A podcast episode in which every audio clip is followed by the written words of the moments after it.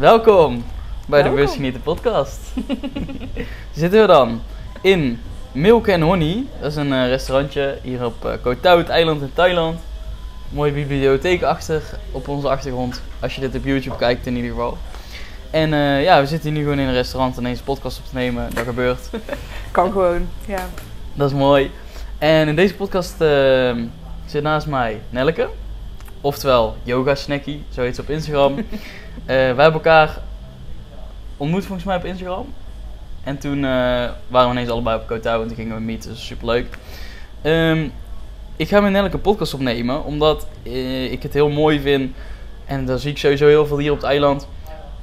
Allemaal verschillende levensstijlen en, en veel mensen die ja, zeg maar, kiezen wat heel veel andere mensen niet kiezen. Dus ehm, ja, ik ben duikinstructeurs tegengekomen, yoga docenten, a- fotografen die op het strand eh, eh, mensen foto's gaan aanbieden en dan uiteindelijk heb ik een fotoshoot met die guy. Weet je, er zijn, er zijn zoveel manieren om, eh, om te leven en dat vind ik heel mooi. En nou, Nelke zit hier naast mij en ik ga een aantal vragen stellen ook aan Nelke. Ehm, over haar pad. Want zij is ook een totaal andere richting opgegaan dan de meeste mensen. En ik ben ervan overtuigd dat het heel inspirerend is. Dus geniet lekker van deze podcast. Ik ben benieuwd. Ik begin altijd eerst met de vraag: wie is Nelke? Ja, ja, nou, ik ben... eh, wie is Nelke? Dat vind ik altijd al een heel mooie vraag. Mhm. Welke, ja, hoe beschrijf ik mezelf? Ik ben in ieder geval een 28 jaar oude meid. ja. Ehm, ik ben geboren in Roosendaal, eh, dus ik ben een eh, echte Brabander. En ehm, ik ben op dit moment een gepassioneerd yogadocent. En ehm, ik ben ook nog een student. En ik ben nog zoveel meer als dat. Eh, maar ja, als ik nog wat meer over mezelf zou vertellen. ehm, ik ben echt een familiemens. Ik vind connecties en verbindingen heel belangrijk en eh, heel leuk. Ik vind het heel leuk om op avontuur te gaan, nieuwe gekke dingen te doen, eh, mezelf uit te dagen. Ehm, en eh, ja. ja, ik denk dat dat wel eh, Goeie een goede intro is. Goeie introductie. Oké, ga ik gewoon starten. Jij bent nu 28, vertel je. Ehm, je doet ook nog een studie. Wanneer heb jij, wanneer was voor jou een omslagpunt dat jij in aanraking kwam met spiritualiteit, zelfontwikkeling? En, en wat heeft veroorzaakt dat jouw ogen meer zijn geopend, dat jij meer bent gaan zien van, nou ja, wat er mogelijk is, of oh, ik kan ook dit doen. En Ehm, ja, hoe is jouw pad daarin geweest rondom zelfontwikkeling, bewustwording, et cetera? Ja, ik heb eigenlijk altijd al wel ehm, ervaren en gevoeld dat er meer is dan wij kunnen begrijpen. Eigenlijk als kind al en eh, ook in mijn jeugd. Ehm, ja, dat gewoon bij mij en mijn broer eh, gekke dingen gebeurden. Of bij mijn oma in huis. En dan was het meer ehm, ja, van bestaan geesten wel of niet. Oh ja, ja, wel? ja, ja, dat had ik ook eh, vroeger altijd. Ja? Ja, dat begon er bij mij. Voor alles, dat was als kind, was er bij mij ook altijd. Ja, Oké, vertel. daar ben ik wel nieuwsgierig natuurlijk. Ja, Maar, ja, ja, eh, komt zo. Ja, en dan heb je daar met andere gesprekken over, geloof jij in geesten? En dan, ehm, sommige mensen reageerden daar dan op terug en die hadden dezelfde soort ervaringen. En anderen die geloofden er niet in. En je kan natuurlijk ook pas in dat soort dingen geloven als je zelf dingen meemaakt. Maar ja, dat soort ervaringen zorgden er wel voor dat ik altijd al wel voelde dat er gewoon zoveel meer is dan wij kunnen begrijpen. En ehm, ja, hoe dat ik echt in de spiritualiteit ben gekomen zoals dat, die, zoals dat ik daar nu in zit en de zelfontwikkeling. Ja, heel eerlijk, dat is gebeurd doordat, ehm, ja, doordat ik eigenlijk juist best wel ziek was. Fysiek en mentaal. Wat had je precies? Ehm, ik was gewoon één bonk spanning, jarenlang. Ik zat ook eh, in een ongezonde relatie. Ehm, had helemaal geen gezonde levensstijl. En vooral ja, weg aan het lopen van mijn eigen mentale dingen, zeg maar. Mhm. En eh, ik heb ook wel heel veel meegemaakt. Dat speelde echt wel een grote rol. En daar rende ik ook voor weg. En op een gegeven moment, eh, ja, kon ik letterlijk... Ik had gewoon zoveel blessures. Ik ging van de ene blessure naar de andere blessure... omdat heel mijn lichaam gewoon vol zat met spanning. Mhm. En ehm, ja, op een gegeven moment wilde ik mezelf gewoon fixen. Dus ik wilde gewoon beter worden en ehm, die drang was altijd groter dan eh, de boodschappen die ik soms meekreeg van de dokter of van andere mensen. Dat ik maar met dingen moest leren leven. Eh, want ik had zoiets van, nee, weet je, dit is het niet. En ik kan niet geloven dat het zo hoort te voelen om te leven, zoals ik me nu voel. En zo ben ik eigenlijk op dat pad terechtgekomen. Mhm. Ehm, op zoek naar verbetering, op zoek naar verlichting eh, van mijn klachten. Mhm. En eh, ja, dan ben je bij een, een bepaalde fysio of een bepaalde hulpverlener. Ik, ik- mijn osteopaat heeft me echt een heel groot sprong geholpen, bijvoorbeeld. Mhm. Ehm, doordat hij dan precies dingen over mij zei die hij gewoon niet zou kunnen weten. Ja. En waardoor wist hij dat dan? Ja, goeie vraag. ja, ja ehm, dus daar komt dan een stukje dat ontastbare in terug. ja. Maar ook gewoon eh, doordat hij ja, mij zag en eh, zag waar ik mee struggelde. Oké, ja. Maar die durfde dan op een gegeven moment wel ook wat dingen over chakra's te benoemen, bijvoorbeeld, snap je? Oh, en dan ja, was ja, ik ja. weer van, oh, maar wat zijn chakra's dan? Dan ging ik ja. me daarin verdiepen en dacht ik, oh, dat is interessant. Mhm. En zo kom je daar steeds een stapje verder mee. Ehm, maar ja, op een gegeven moment in mijn studie kreeg ik ook een burn-out. Of in mijn baan. Ik heb eerst een kantoorbaan gehad ook nog. Mhm. Daar heb ik een burn-out gekregen. En ehm, ja, van daaruit eerst gaan reizen. Op die manier ehm, heel veel lessen geleerd. Wa- waarom besloot je om te reizen? Eigenlijk omdat ehm, ik werd geïnspireerd door mijn ex. Mhm. Die, eh, ja, die had het altijd over die reizen die hij had gemaakt. Dus altijd als wij naar een verjaardag gingen of zo, dan was hij altijd met mensen aan het praten die dan ook op reis waren geweest. En dan zat ik daar zo naast van, ja, ik zou graag mee willen praten. En ehm, dat vergrootte mijn wereld ook, weet je. Dat, voor mij was dat, ik had daar niet eens over nagedacht voordat ik hem ontmoette. Ja. Ik bedoel, ik ging wel op vakantie en zo, maar, niet niet op die manier. En toen heb ik mezelf ook echt gewoon zwaar in het diepe gegooid. Ik wist ook totaal niet waar ik aan begon. Oké, oké. En ik kwam eigenlijk vanuit een burn-out. Ik had ook een, een zware knieblessure. En toch ben ik gewoon gegaan. En ja, dan merk je gewoon dat je tijdens zo'n reis dingen leert die je niet uit het boek kan le- leren, Mhm. zeg maar. En daarna ben ik psychologie gaan studeren. Toegepaste psychologie.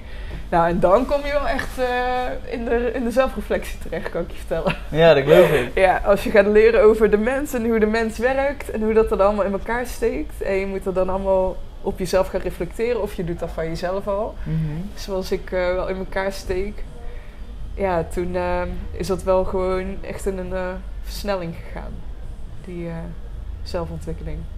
Ja, wauw, oké. Dus wat je eigenlijk beschrijft is van eigenlijk weer door, hè, dat is altijd mooi, eh, door dan, dan een dieptepunt en eigenlijk eh, een hoop shit, ehm, kom je vervolgens, wat ze noemen, uit de, eh, hoe noemen ze dat, uit de as herrezen, zeg maar. En Als de Phoenix, is, is ja. dus dat, dat, dat dieptepunt zorgt uiteindelijk weer voor heel veel, heel veel groei. Zeker weten. Ehm, en dan de aanraking met, met bewustwording en zo. Ja, wel grappig. eh, van, van, van die geesten, daar, daar heb ik volgens mij één podcast ooit meer over verteld. Een heel klein beetje. Daar begon voor mij het eerste wat ik me kan herinneren rondom, zeg maar, spiritualiteit. Zo'n breed begrip. Mhm. Ehm, Ja. Maar ja, ge- geesten hebben dan ook superveel mensen een, eh, een eh, bepaalde beeld bij. Ik vind het ook zo'n beetje zo'n zo'n woord. Maar ja, het is wel gewoon makkelijk. Het is, het is gewoon energie van, energie van mensen die er niet meer zijn. En ja, daar kun je dan in geloven, ja of nee. Maar dat is het hele mooie. En dat is met alles in het leven. En, en dat vind ik zo, eh, nou ja, voor- zonde voor sommige mensen. Als jij zegt, ik geloof er niet in, klaar. Is het, is het ook zo. maar dat is Ja. het hele mooie van, je creëert je eigen realiteit. Dus, dus zeg maar, je blokt dan met jouw projectie alles wat daarin mogelijk is. Maar dus ook niet, niet alleen met geesten, maar dus ook met... Oké, wat kan ik bereiken? Mijn doelen, mijn dromen. Ik geloof dit, oké, dan kan dat. Ik geloof dit niet, kan dat niet. Heel simpel. Dus Inderdaad. dus dan ga je, het ook niet, je gaat ook niet de kansen zien van je dromen en je doelen. Je gaat ook niet, je komt ook niet tot de ideeën van de stappen die je kunt nemen. Pas als jij je openstelt daarvoor, kan het zich openbaren. Ja, en het is een grote valkuil om eh, telkens die kaders te plaatsen en die hokjes, die kaders voor jezelf te plaatsen. Mhm. Van wat jij gelooft of wat voor jou zo is, wat jouw waarheid is. Ehm, en als, wanneer je bereid bent om dan telkens toch buiten die kaders te gaan kijken, ja, dan kom je er ook gewoon keihard achter dat, de, dat je vaak dat je waarheid weer verandert of Ja. verlegd wordt. Of dan, ja, weet je, ik heb ook dingen geroepen jaren geleden, eh, die ik nou andere mensen hoor roepen, dat ik denk van ja, I remember when I said that as well, weet je wel. Ja, ja, ja. Van ja, dat is allemaal onzin. Of eh, ja, daar sta ik, ja, dat, bes- dat bestaat niet. Of daar sta ik niet voor open. of die is helemaal gek. En nu geloof ik in dezelfde shit, weet je wel. Ja, ja, ja. Kijk mooi hoe dat Dus, dan gaat. hè. Ja, ja, en soms is het ook nog best wel confronterend dat toch telkens dat, dat ik dan weer zo'n kader tegenkom. Wat ik toch weer voor mezelf had gecreëerd. Mhm. Maar ja, het is ook alleen maar mooi dat ik dan daar weer doorheen breek. En weer een stap verder ga dan ja, ik mezelf eerst op had gelegd. Ja. En ja, weet je, ik wil het liefst zo ruimdenkend zijn en openstaan voor alles. Ehm, maar ja, tegelijkertijd ben, ben ik ook een mens. Zijn we ook Mhm. mensen. Mhm. En mensen, het menselijk brein houdt nou eenmaal van kaderen en hokjes en dingen gewoon goed begrijpen. En als het dan naar een beetje buiten gaat, ja, dan wordt het spannend. Ja, Ja. Dat, eh, dus dat zijn af en toe dan drempeltjes die je over moet. Mhm. Ja. 100%. Oké, mooi. En toen, eh, even kijken, toen jij op reis ging, hoe oud was je toen? Ehm, ik was toen, dat was vier, jaar- vier jaar geleden, toen was ik 23, 24. Oké, oké. En eh, waar ben je toen heen gegaan? Ook naar Azië. Ja, toen ben ik eerst naar Vietnam gegaan, Maleisië. Ehm, Ik ben ook naar de Filipijnen geweest, Sri Lanka, Thailand en Singapore heb ik toen ook nog even meegepakt. Ja. Oké, oké. En wat, wat zijn daaruit jouw eh, drie grootste inzichten slash lessen die je toen hebt geleerd? Ben ik benieuwd. Een van de eerste was geduld. oké, waarom? ja, als je in Azië komt en dan met name ook in Vietnam, ehm, daar, daar zijn ze gewoon niet zo met de tijd. Hier zijn ze ja, dat is in heel veel landen, man. Ja, maar eh, dan geduld en dan vooral in combinatie met het komt altijd goed. Dus dan was ik in zo'n nachtbus en dan word je ergens om half zes ochtends of om vijf uur zeg maar een bus uitgeknikkerd. En dan sta je daar langs de kant van een weg en dan denk je ja en nu? En dan zie je een paar andere reizigers ook stress, eh, stressend rondlopen van ja en nu? En op een gegeven moment, ja ik was ook gewoon zo moe Ja. ging ik gewoon zitten. En eh, op een gegeven moment kwam er gewoon een of andere Vietnamees kwam ons weer ophalen en werden we weer in een ander busje Ja, dat weet je niet. Dat Nee. weet je niet. En in het begin is dat allemaal super spannend. Ja. maar op een gegeven moment dan, ja, dan word je daar wat relaxer in. En ook ja, die busreizen die kosten gewoon telkens 8, 9 uur of weet ik Oh veel wat. En in Nederland ben je natuurlijk in twee uur aan de andere kant van het land. En dan zeggen mensen van, oh maar dat is zo ver. Ja, ja, ja, ja, ja, dat kan niet meer. Voor mij kan niks meer ver zijn in Nederland. Gewoon. Dat gaat gewoon niet. Inderdaad. Eh, dus dat was een heel grote. Ehm, ja, en dat ik echt dat ik zoveel meer kan dan ik denk. Oké. Dat is echt Waarom kwam dat? Ehm, ik heb toen een meditatie, eh, die tiendaagse Vipassana gedaan. Oh, Ja. zo. Dus de- deze meid heeft gewoon tien dagen... Kijk, ik heb dan een stilteretret gedaan, zeven dagen. Maar dat is geen Vipassana. Dat was gewoon, was gewoon, had gewoon vrije tijd en zo. Vipassana is dus... eh, nou ja, jij kunt beter vertellen dan ik, maar... Dan ga je dus tien dagen in stilte, iets van tien uur per dag mediteren of zo? Ja, klopt. Holy fuck. Ja. Ik vind dat niet normaal. Nee, ja, dat was ook weer zoiets waar ik mezelf gewoon in diep gooide. Ik had geen idee waar ik aan begon. Holy shit. Maar ehm, ik, hoorde, ja, ik hoorde dat van iemand. En eh, op een gegeven moment wilde ik dat doen. Daar zat nog wat tussen. Want ik dacht dat ik dat ergens ging doen. Toen kwam ik in een boeddhist, boeddhistisch center terecht. Ja? Dus toen leerde ik trouwens ook weer iets over mijn visie op spiritualiteit. Eh, want ja, nou ga ik misschien even een zijstraatje in. Maar door de jaren heen ehm, ben ik ook gewoon op zoek geweest naar wat is nou mijn waarheid. Dus ik ben in de eerste instantie christelijk opgevoed, maar heel vrij. Wij mochten gewoon geloven wat we er wilden geloven. En wat we niet geloofden ook prima. Maar we moesten wel met kerst altijd naar de kerk. En, ja, ja. eh, communie, dat soort dingen. Maar ik had dan toch altijd zo'n gevoel van... oké, hier ben ik het wel mee eens, maar hier niet mee eens. Mhm. Ik had daar wel een sterke mening altijd over. En toen in dat boeddhistisch center dacht ik echt van... oh, dit is helemaal anders. Mhm. En toen zag ik daar eigenlijk toch ook weer een beetje dezelfde dingen... als die ik bij het christendom ook zag. Omdat het een bepaalde richting boeddhisme was. Ja. Dus daar werd ook naar een of andere man geluisterd... die een bepaalde visie had op... En iedereen ehm, moest gewoon iedere dag eh, offers doen en weet ik veel wat. En dan zou je een goed mens zijn of weet ik veel wat. En daar geloof ik gewoon niet in, snap je? Dus daar kreeg ik ook weer heel sterk mijn eigen mening. Ehm, maar tegelijkertijd kwam ik daar wel voor het eerst in aanraking met meditatie. Aha. maar goed, even terug naar de Vipassana dan. Ja. Ehm, ja, ik gooide mezelf totaal in het diepe daar. Ehm, en het was echt fucking heftig. Gewoon. Je zit inderdaad dus tien uur per dag te mediteren. En ik was iemand, ik kon geen vijf minuten stilzitten. Zo identificeerde ik mezelf ook van, oh, ik kan dan niet mediteren. Ik kan dan niet, eh, ik kan niet eens vijf minuten stilzitten. Hoe kan ik nou mediteren? En ik ben al druk in mijn hoofd, bla bla. En eh, Dus dan ga je dan geloven en dan is dat zo. ja, precies. En dan blokkeer je weer alles. Precies. Mooi. Oké, ga verder. Maar op een of andere manier kwam ik daar toch terecht en wilde ik dat heel graag doen. Ik was zo nieuwsgierig en ik had zoveel goede verhalen over gehoord. Iedereen zei van ja, het is echt afgrijzelijk en ook echt fantastisch. Dus ik denk, nou ja, let's do it. Oké. En ja, het was ook echt gewoon heftig, want je krijgt gewoon pijn overal in je lichaam. Ja, in je van het zitten zo je- ja, heel mijn lichaam. Ik kon, niet, ik kon niet eens een kleermaak zit zitten, snap je? Ik was er helemaal niet gewend. Mijn lichaam Oh, was helemaal niet gewend. Ik deed toen nog niet zoveel yoga als ik Ja, ja, ja. Ehm, nou, mijn rug en zoveel ongemakken en dan mentaal ook allerlei processen. Dus je gaat echt door een rollercoaster heen.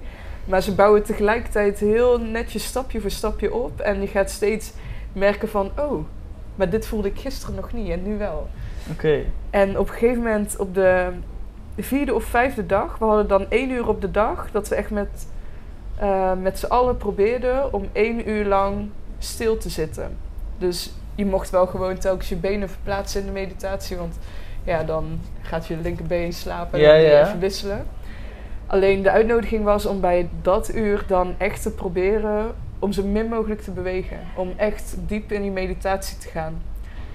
En na vijf dagen lukte mij dat. Wow. Mevrouw die zei, ik kan geen vijf minuten stilzitten. Bam. Zat een uur lang Doodstil. doodstil en ik voelde geen pijn meer. Wow. Ik ging zo diep in die meditatie en ja, toevallig, heb toevallig heb ik dus echt eh, spontaan de ingeving gekregen vandaag dat ik misschien die tatoeage wil laten zetten. Want dat heette dan ook Adicana. En dat is ook self-determinacy. Mhm. Dus je ja, zelfbeheersing, zeg maar, over in ieder geval die innerlijke kracht om door te zetten. Weet je wel? Mhm, Om echt mhm, door te gaan wanneer dat je allerlei andere signalen voelt en ervaart. mhm. En op dat moment kreeg ik gewoon zo'n. die inner peace sowieso die ik daardoor voelde, maar ook het besef van. Ik heb mezelf gewoon zoveel shit aangepraat. En kijk wat ik nou doe, wat ik zo hard riep dat ik niet kan. En dat heeft mij zoveel kracht gegeven daarna om zoveel meer dingen aan te gaan in mijn leven. Wow, Ja. ja.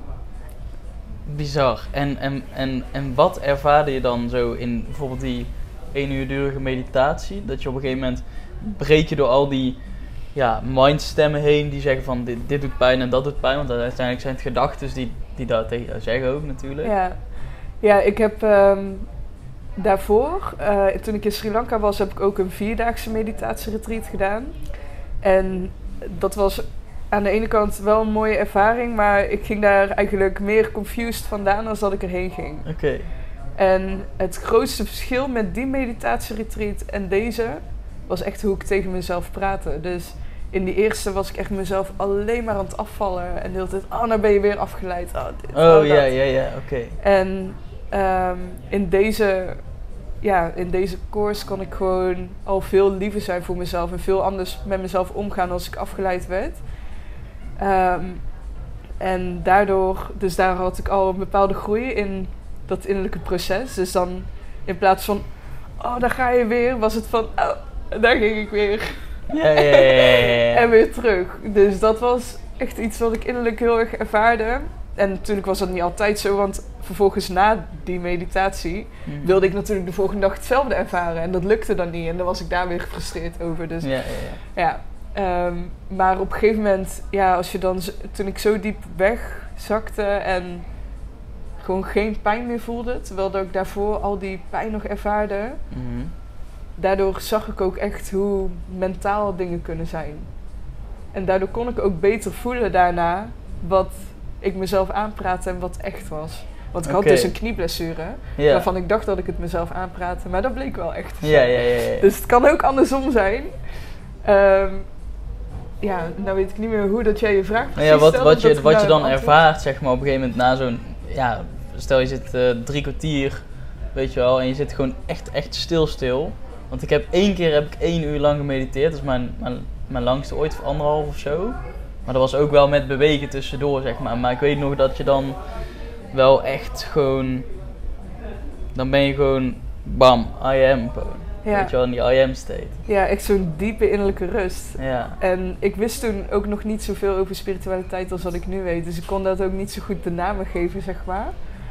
Maar ja, ik weet nog wel dat ik me zo goed voelde en dat ik echt zoiets had van... Iedereen moet het doen en mijn familie moet het weten. en de kids van mijn zus, die moeten echt leren, deze meditatietechniek leren. Want ja, op deze manier kan je het leven gewoon zo anders ervaren.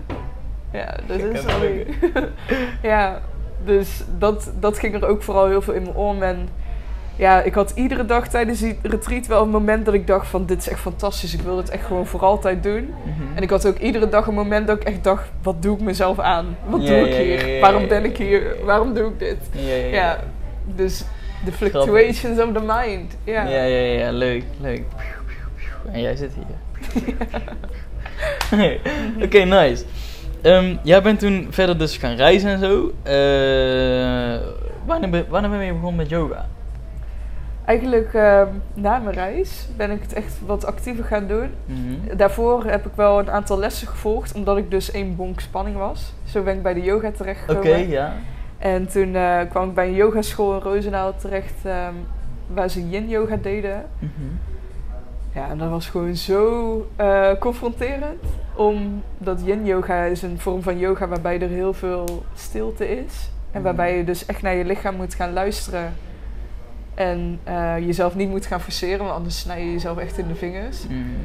En ik deed al die dingen niet. Mhm.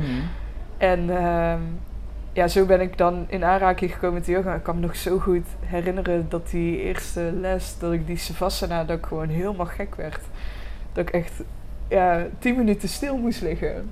Oh. oh, maar dat is juist de chillste toch? Ja, nu wel. Nu Oh, vind ja. ik dat ook het chillste. Ja. Maar toen werd ik dus geconfronteerd met al die gedachten en al die Oh, dingen ja, waar ik voor ja, weet je wel. Door altijd maar bezig te zijn en te doen, ja, doen, doen. ja, ja, ja, ja. Ja, en toen moest ik ineens stil liggen. En ook, ehm, ik vond dat zo'n waardevolle vorm van yoga. Ah. Dat, ja, dat heeft me zoveel geleerd over het voelen in mijn lichaam, grenzen leren aanvoelen en mezelf niet vergelijken met anderen. Mhm. Ehm, wat nog steeds wel eens een valkuil is, maar ja. En ook om die balans terug te krijgen, omdat ik zoveel yang had eigenlijk. Ze noemen dat yin yoga. Mhm. Ik was zo alleen maar aan het doen en actief en eh, mentaal en fysiek ook gewoon altijd bezig. En dat gaf het gewoon precies die andere kant die ik zo miste. Ja. En na mijn reis ben ik eh, echt meer actief yoga gaan doen. En eigenlijk sinds de corona-lockdown echt gewoon iedere dag steady. eh, ja. Oké. En eh, jij bent uiteindelijk ook een, een, een Instagram-account begonnen rondom yoga. ja, Wat, wat is jouw, wanneer ben je die begonnen en wat is jouw intentie daarmee? die ben ik in mei begonnen. En dat was echt een groot... Afgelopen mei. Oké, Ja, is vorig jaar. ja. Oh, Dus het was ehm, iets meer dan een half jaar geleden, zeg maar. Ja, ik ben toen ook begonnen met lesgeven. Dus dat ging allemaal heel snel toen. Aha. En dat was echt een moment dat ik besliste van ik ga dit niet meer uitstellen.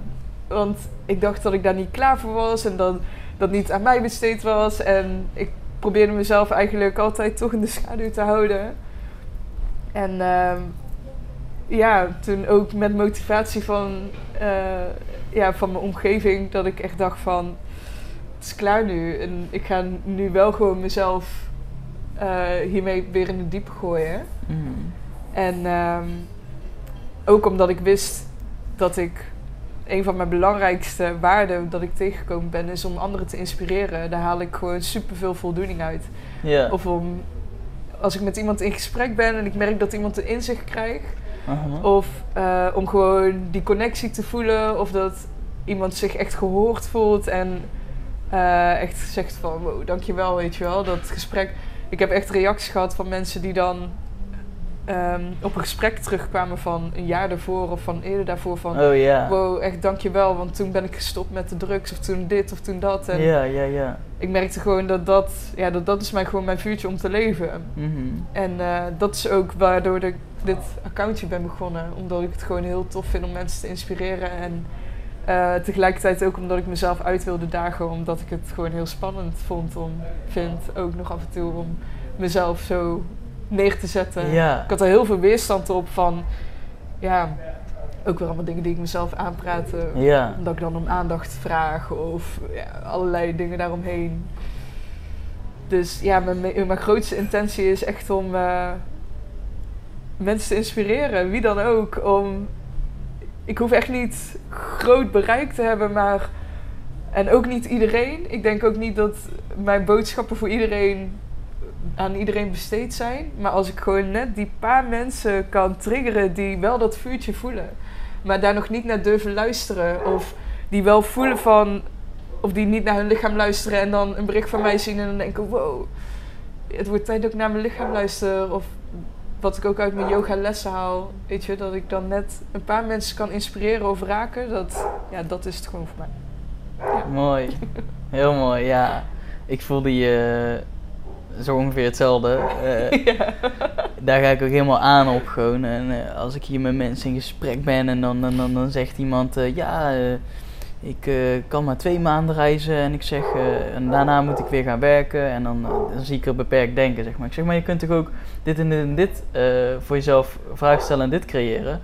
Ja, ja, ja, en dan, en dan gaan ze zo helemaal in die blokkade en dan ga ik ga proberen dat te openen. En dan zie je op een gegeven moment zo'n opening van dan, ja, ja. En dat is zo mooi, jongen. ja. ik vind ook Ehm. altijd zo mooi. En dan moet ik weer gaan werken. Oh ja, ja. Ja. ja. je moet helemaal niks. Nee, precies.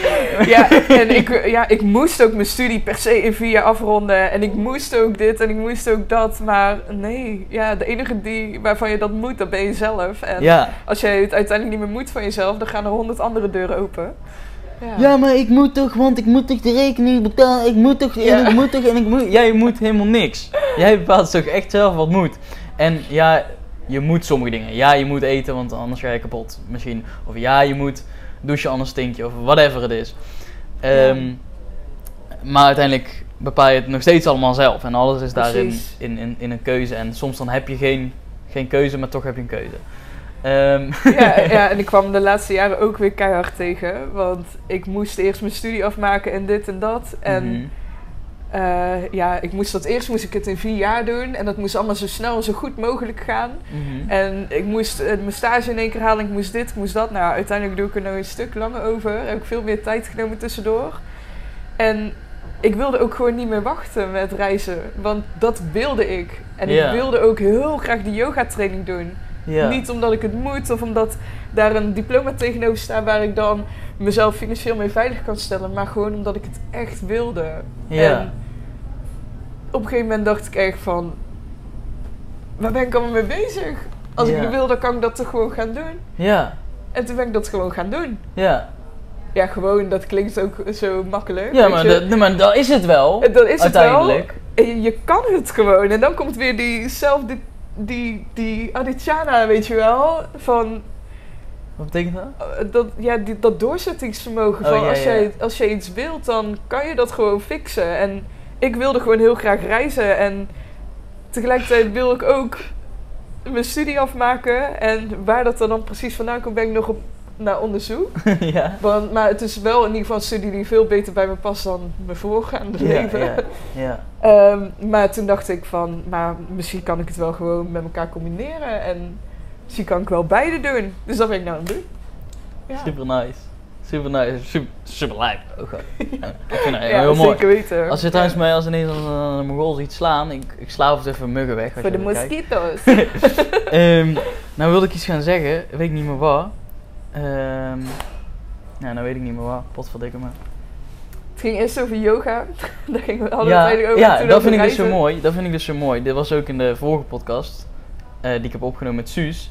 Die is ook gewoon ineens voor de klas gezet met, eh, om te gaan personal trainen. Jij hetzelfde eigenlijk met, met yoga. Je ging ineens yoga doen. Ik hetzelfde met eh, coaching. Eh, toen ik met een ander bedrijf eh, samenwerkte. En, en, en dit is gewoon in mijn leven de beste manier. Dus ik ben ook heel erg van move before you're ready. Want je bent nooit ready, zeg maar. Je bent nooit 100% ready. En zoveel mensen stappen in de valkuil van oneindig voorbereiden en dit en dat en zo en zo. Ga het gewoon doen, weet je wel. Gooi jezelf in diepe, want daarvan ga je zo fucking hard groeien. En wat ik ook even graag wil delen, is als jij bijvoorbeeld een te, te, te grote stap vindt om, weet ik veel, alleen op reis te gaan. Of te grote stap vindt om, niet dat je dat moet doen hoor, maar stel je hebt dat idee. Of eh, te grote stap vindt om, eh, weet ik veel, een eigen bedrijf te starten. Whatever. Even een voorbeeld. Ga gewoon een andere baantje doen. Ga gewoon iets anders doen. Maar heeft het ook super veel gebracht om allemaal verschillende dingen te doen.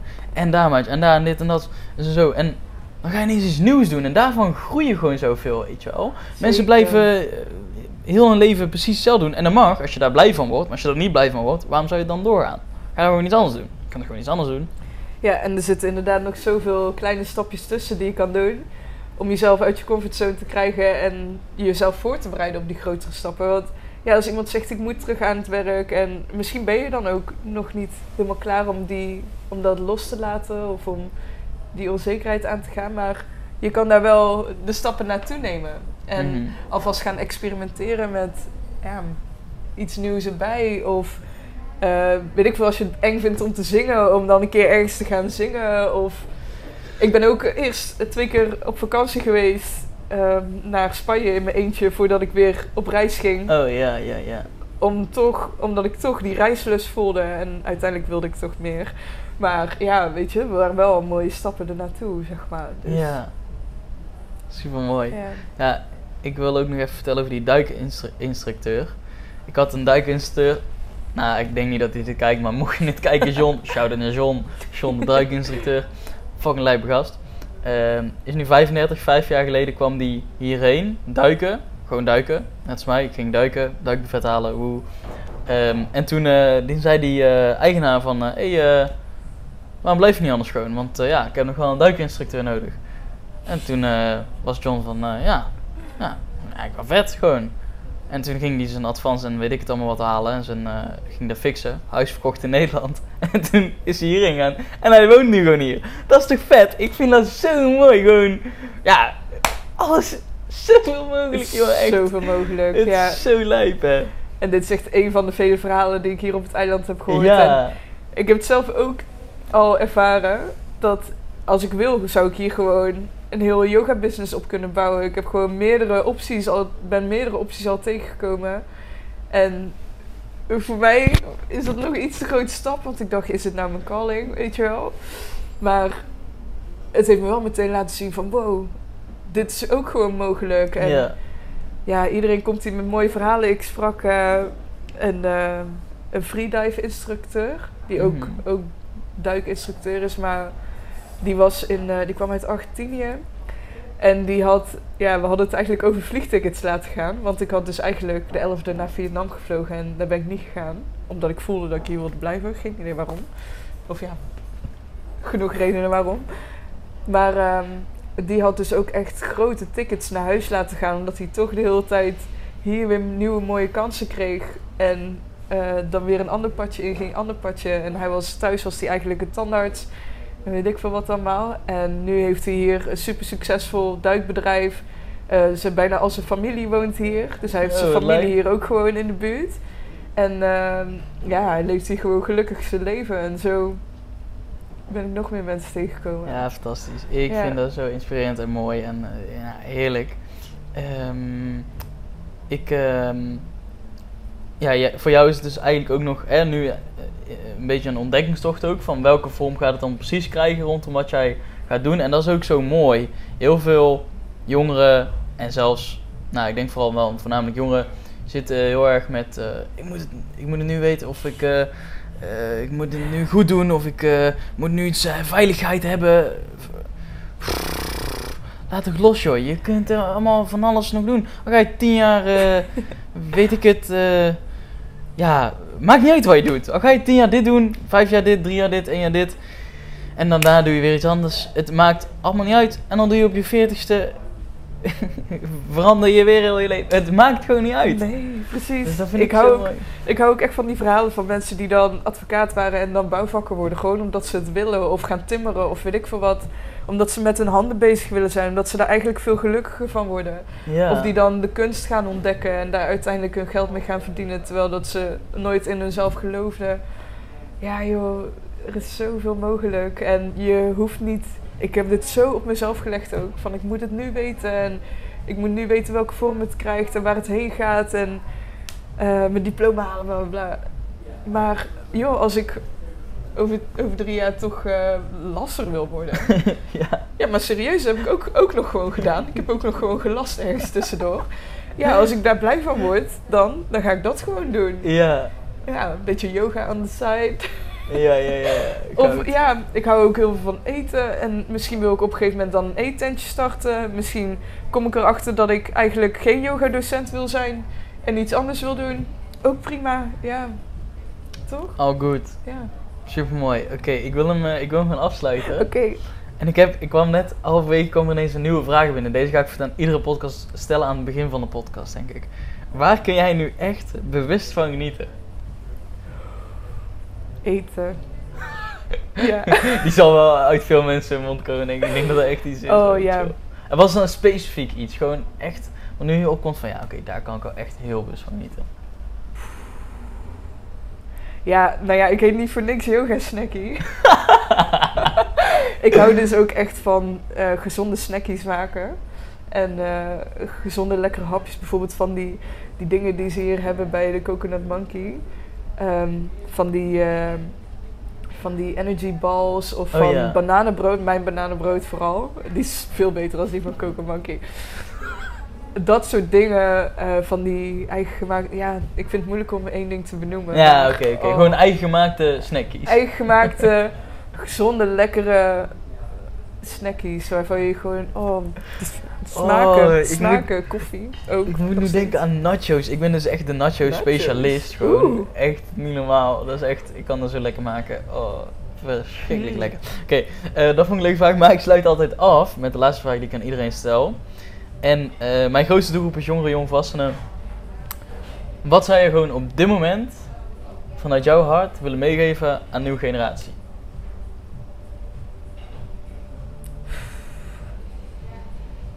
Ehm, ja, wat nu bij me naar boven komt is.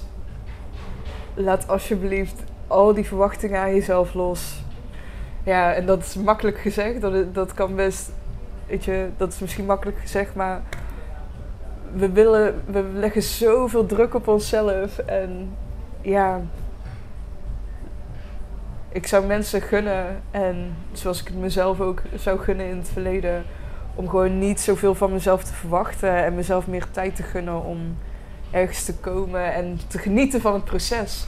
In plaats van alleen maar gefocust zijn op ja, wat, wat ik allemaal moet zijn of wat ik vind dat ik moet zijn.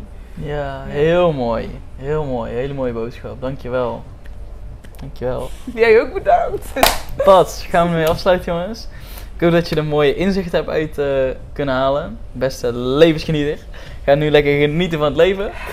Wat je ook nog gaat doen, eh, wandelen, slapen, werken, chillen, geniet ervan. En ehm, Eten. eten.